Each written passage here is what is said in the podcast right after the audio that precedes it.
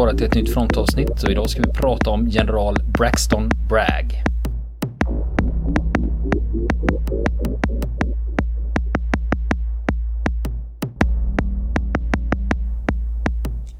Och vid den här tiden så började den här konflikten bli akut mellan nord och syd. Eh, och det började, i södern talade man om att bryta allt fler om att eh, vi, vi, måste lämna unionen. Vi måste starta något eget. Vi kan inte vara kvar. Ska vi leva som vi vill med våra slavar och, och eh, våra bomullsplantager och annat så, eh, så måste vi lämna unionen och eh, gå vår egen väg. Bragg var inte en av dem. Han var emot att bryta upp unionen. Han ville att eh, hans hemstat, då, han var ju född i North Carolina och han bodde då i Louisiana och han ville ju att de här staterna de skulle vara kvar i unionen. Man skulle inte lämna den utan man skulle fortsätta att ja, bedriva politik inom unionen för att lösa, lösa det här. Det var hans linje i det hela. Men sen när det skar sig slutligen då i samband med valet av Lincoln som man såg i södern som en, en slutgiltig, kan man säga, provokation eller förevändning för att ja, nu går det inte här längre, nu, nu bryter vi oss ut. Och när stat efter stat i södern eh, lämnar unionen helt enkelt, då, eh, då byter även Braxton Bragg fot. Det vill säga han är lojal mot eh, den stat han bor i, Louisiana. Och när Louisiana lämnar, ja då eh, går han in i den lokala armé, alltså den delstatsarmé som grundas i Louisiana och blir dess befälhavare. Det var en armé på 5000 man då som skulle försvara Louisiana. Det var innan man hade bildat en hel union av de här utbrytarstaterna, för det kom några månader senare. Då, The Confederate States of America. Då, eh, då hamnade han då i eh, sydstatsarmén som general. Han tillhörde inte de som kom ut direkt i kriget, utan han blev trupputbildare. Han, eh, han eh, hade garnisonstjänst under kan man säga, i princip första året av, av inbördeskriget då på, eh, i olika städer i i sydstaterna som New Orleans till exempel och Pensacola och, och nere i Florida och Alabama så utbildade han massor av förband som skulle skickas ut i kriget då. Och eh, historikerna är ganska eniga om att några av de absolut bästa förbanden som tjänstgjorde på sydsidan under inbördeskriget, de utbildades av Braxton Bragg i hans roll som organisatör och utbildare. Eh, och det var till exempel då ett som hette eh, Fifth Georgia, femte Georgia regementet och sjätte Florida regementet var några av dem då som hade genomgått hans utbildningskurser helt enkelt då. Med allt det här med disciplin och, och, och sånt som han gillade den typen av exercis. De blev duktiga soldater men eh, han eh, gjorde ju inte det här för att bli omtyckt så att säga. Utan för att få fram eh, duktiga soldater. Under den här tiden så var han ganska sjuk också vet man. Förmodligen har han varit sjuk tidigare också. En del då, men man vet att han led av exempelvis reumatism, han hade lite nervproblem och svår migrän. Och sådana saker kan ju ha bidragit till hans svåra humör till exempel till med, med ehm, ja, grälsjuka och att han behandlade folk runt om sig illa. Hela tiden. Till och med hans, hans mest, eh, hans kraftfullaste försvarare kan inte neka till att han, han var en typ alltså. En otrevlig typ som, eh, som eh, person. Och eh, eh, sen så efter ungefär ett år så eh, då hamnar även han ute i fält med sina trupper och han, han dras in eh, i en, ett försök att eh, bland annat att invadera Kentucky. Det var en stat som från början hade varit neutral i den här konflikten mellan nord och syd. och som inte ville bli indraget och välja sida. Men där sydstaterna beslutade sig för att invadera Kentucky. Och eh, han eh, förde befäl över den styrka som, som deltog i, i den invasionen och där utkämpade han ett slag vid ett eh, stad som heter Perryville som, eh, ja, som ingen slutade oavgjort egentligen. Och han drog sig tillbaka och fick mycket kritik för det. Och eh, han, han var med vid det stora slaget vid Shiloh 1862 i april. Ett av de största slagen på, på eh, det som man brukar kalla för den västra krigsskådeplatsen. Han var alltid på den västra krigsskådeplatsen under amerikanska inbördeskriget. Det var nämligen så, det var den östra, det var vid östkusten. I princip området mellan de två huvudstäderna Washington och Richmond.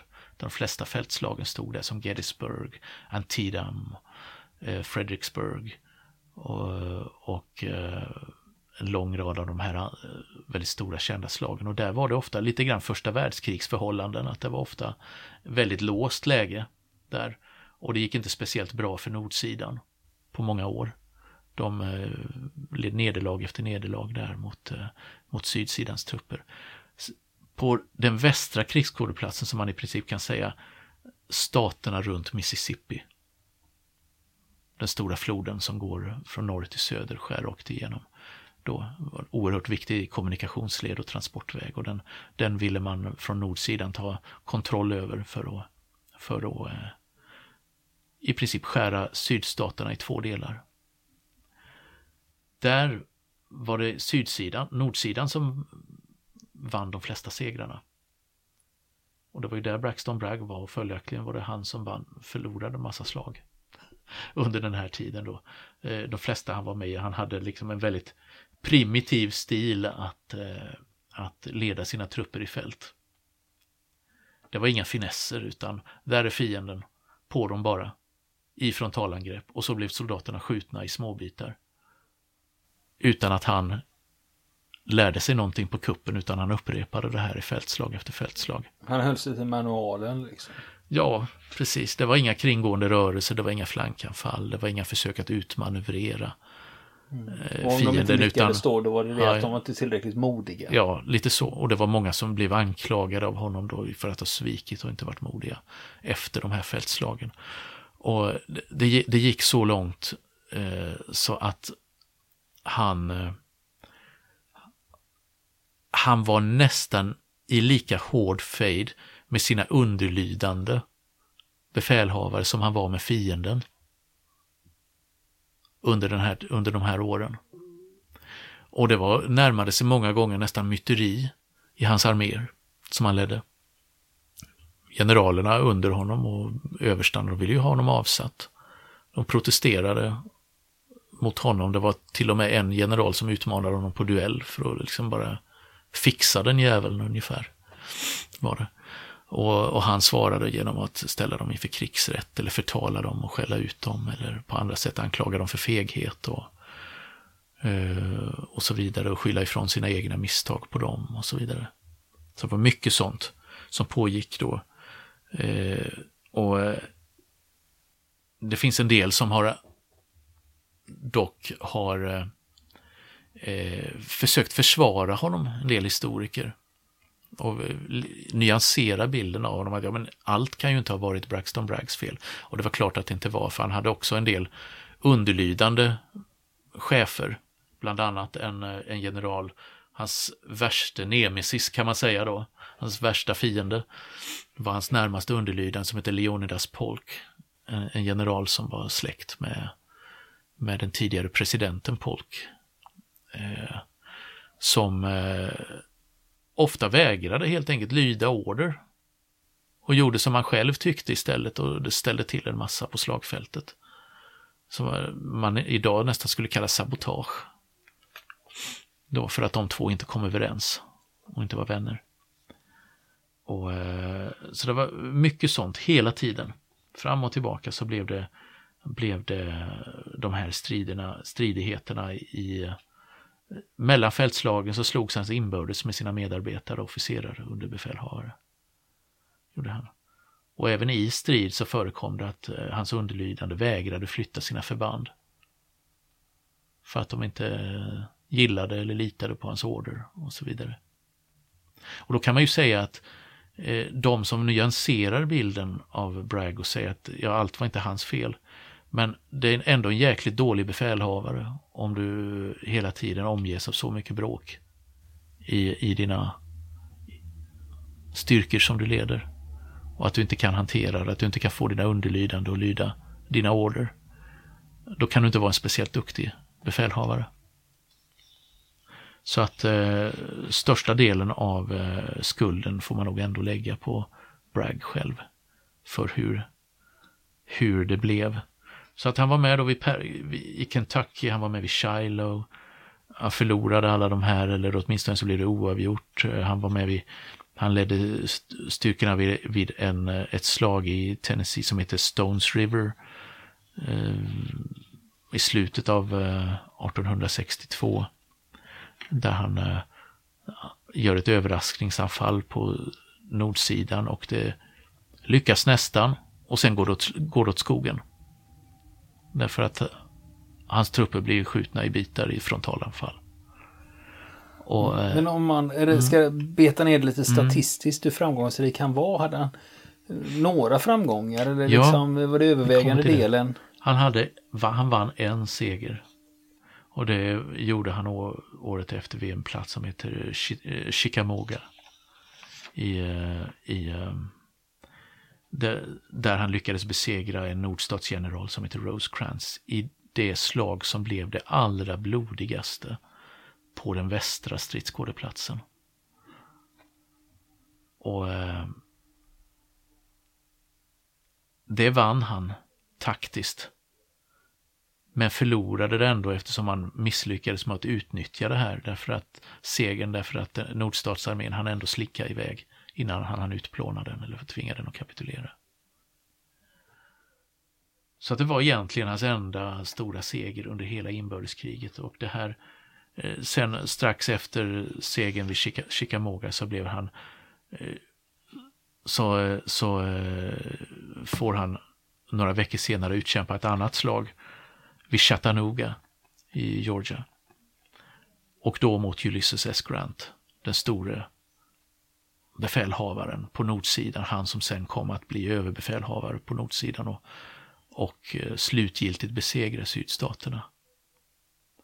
Där tar egentligen kan man säga den huvudsakliga delen av hans karriär som befälhavare i fält slut. För efter det här stora nederlaget vid Chattanooga eh, så eh, 1800, hösten 1863 så, så eh, erbjuder han sig att avgå. Och eh, presidenten och krigsministern på sydsidan, Jefferson Davis, accepterar direkt. Vilket det framgår mellan raderna att Bragg inte riktigt hade väntat sig. Därför att en orsak att han hade klarat sig så länge trots alla bråk, det var att eh, Jefferson Davis, då, presidenten, som var en tidigare, också en tidigare arméofficer, gillade Bragg. Och de var vänner. Och han hade skyddat honom under hela tiden och medlat till en del av konflikterna. Så han hade hållit honom under armarna? Han hade hållit honom under armarna. Men där var det slut med det. Nu bytte man ut befälhavarna då på, befälhavaren på den västra krigsskådeplatsen mot någon annan. Och istället så kallades Bragg till huvudstaden då, Richmond, där han blev, eh, han blev sparkad snett uppåt kan man säga. Han blev eh, militär rådgivare åt presidenten. Jefferson Davis under det sista krigsåret. Ja, det, det, det kanske var så att de, 65. Men Davis kanske gjorde så här att eh, mm. hur räddar jag relationen utan att, ja. att alltså, minimera skadan. Exakt. Så att han inte är ute i fält med Nej, trupper. Exakt. För han är han min rådgivare så har jag ögonen på honom. Ja, han hade, ju, han hade ju inget fint facit. Alltså. Nej, precis. Precis. Så att eh, sen, sen blir han utskickad under de sista desperata månaderna då innan allt faller samman och, och sydsidan kapitulerar så, så leder han några eh, små militära expeditioner i North Carolina bland annat. Vid bland annat en stad som heter Wilmington. Och eh, ah, det går ingen vidare. Och eh, sydsidan kapitulerar våren 1865 och så var det ajöss för gott med den militära livet för Braxton Bragg. Och eh, men han behöver inte sitta i fängelse så länge som många av eh, sydsidans ledare fick göra. Eh, utan eh, kunde ganska snart börja en civil karriär igen. Hans, eh, hans eh, plantage i Louisiana, den var borta. Den hade konfiskerats av nordsidan och hade blivit ett, ska man säga, genomgångshem för frigivna slavar. Som skulle slussas ut och bli fria medborgare. Och så vidare. Där använde man byggnaderna på, på eh, den plantagen för att de skulle ha någonstans att bo. Fram tills dess. Så att dit kunde han inte återvända. Eh, utan han blev chef för vattenverket i New Orleans under en period. Och sen flyttade han vidare därifrån och blev eh, försäkringsförsäljare i samma bolag som Jefferson Davis. Jobbade under några år efter, efteråt tills han tröttnade på att det var så jäkla dåligt betalt. Det här jobbet, så då vandrade han vidare och eh, var nära att ta jobb i den egyptiska armén. Man har erbjudit honom jobb där. Då som instruktör ställen. av alla ställen. Mm. Då, så att han var lite lockad av att resa dit då men avstod. Och eh, sen så, eh, så blir han chefsingenjör i eh, Alabamas huvudstad Mobile i början av 1870-talet och ska hjälpa till att rensa upp och, och, eh, och förbättra hamnen där.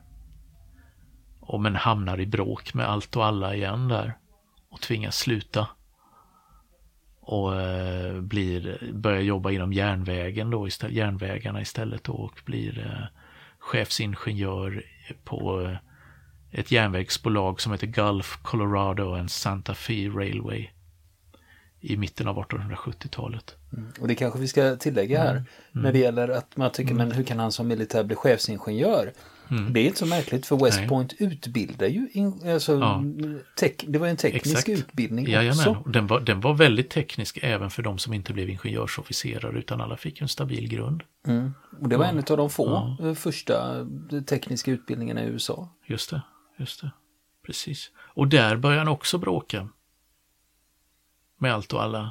Och På järnvägsbolaget? ja, i, i järnvägsbolaget och blir tvungen att sluta. Men han blir ändå kvar som eh, i Texas då som inspektör för järnvägarna. Då in, jobbar inom delstaten Texas då. Och det blir hans sista jobb i livet för när han är 59 år gammal, alltså en septemberdag 1876 så, så eh, faller han ihop mitt på gatan i en eh, liten stad som heter Galveston i Texas. När han är ute och promenerar med en, eh, med en vän och blir medvetslös och är död inom 15 minuter. Och om det var hjärtat eller det var en hjärnblödning, det där de tvistade de lärde. Men eh, blev en hastig död för honom och efter sig så lämnade han ett, ett rykte och ett, kan man säga, militärt arv som historiker har eh, diskuterat fram till våra dagar. Var han så, var han så oduglig? Var det något fel på honom allmänt? Kan man undra. det, är, det är just den här personlighetstypen ja. som hamnar i konflikter med folk mm. till höger och vänster. Ja. Men sen kan det ju också vara att den personlighetstypen, de är ofta sådana att de skyller på andra hela tiden. Just det. Att det var inte jag utan det var mm. omständigheterna, jag fick inte tillräckligt med resurser eller Nej, precis, och så var det jag oduglig, Det är väldigt vanligt, vanligt det också. Ja. Är det. Så att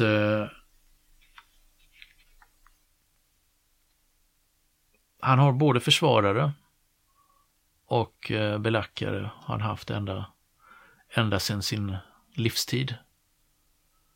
Och, eh, men även de som försvarar honom, som jag sa, kan inte förneka att han var en, en, eh, en riktig typ att ha att göra med. Det finns en, en författare, amerikansk författare, som har skrivit om ett av hans slagen som han deltog i, Stones River. Peter Cousins heter han som har, har eh, bland annat sagt att eh, till, till och med Braggs eh, ivrigaste och ihärdigaste supportrar kritisera honom för hans hetsiga temperament, lättkränkthet och hans eh, böjelse för att, eh, ja, såra helt oskyldiga personer med tillmälen och annat som eh, for ur honom under hans eh, ofta återkommande raseriutbrott. Dessutom så var han väldigt, eh, så berömde han sällan folk eller smickrade någon.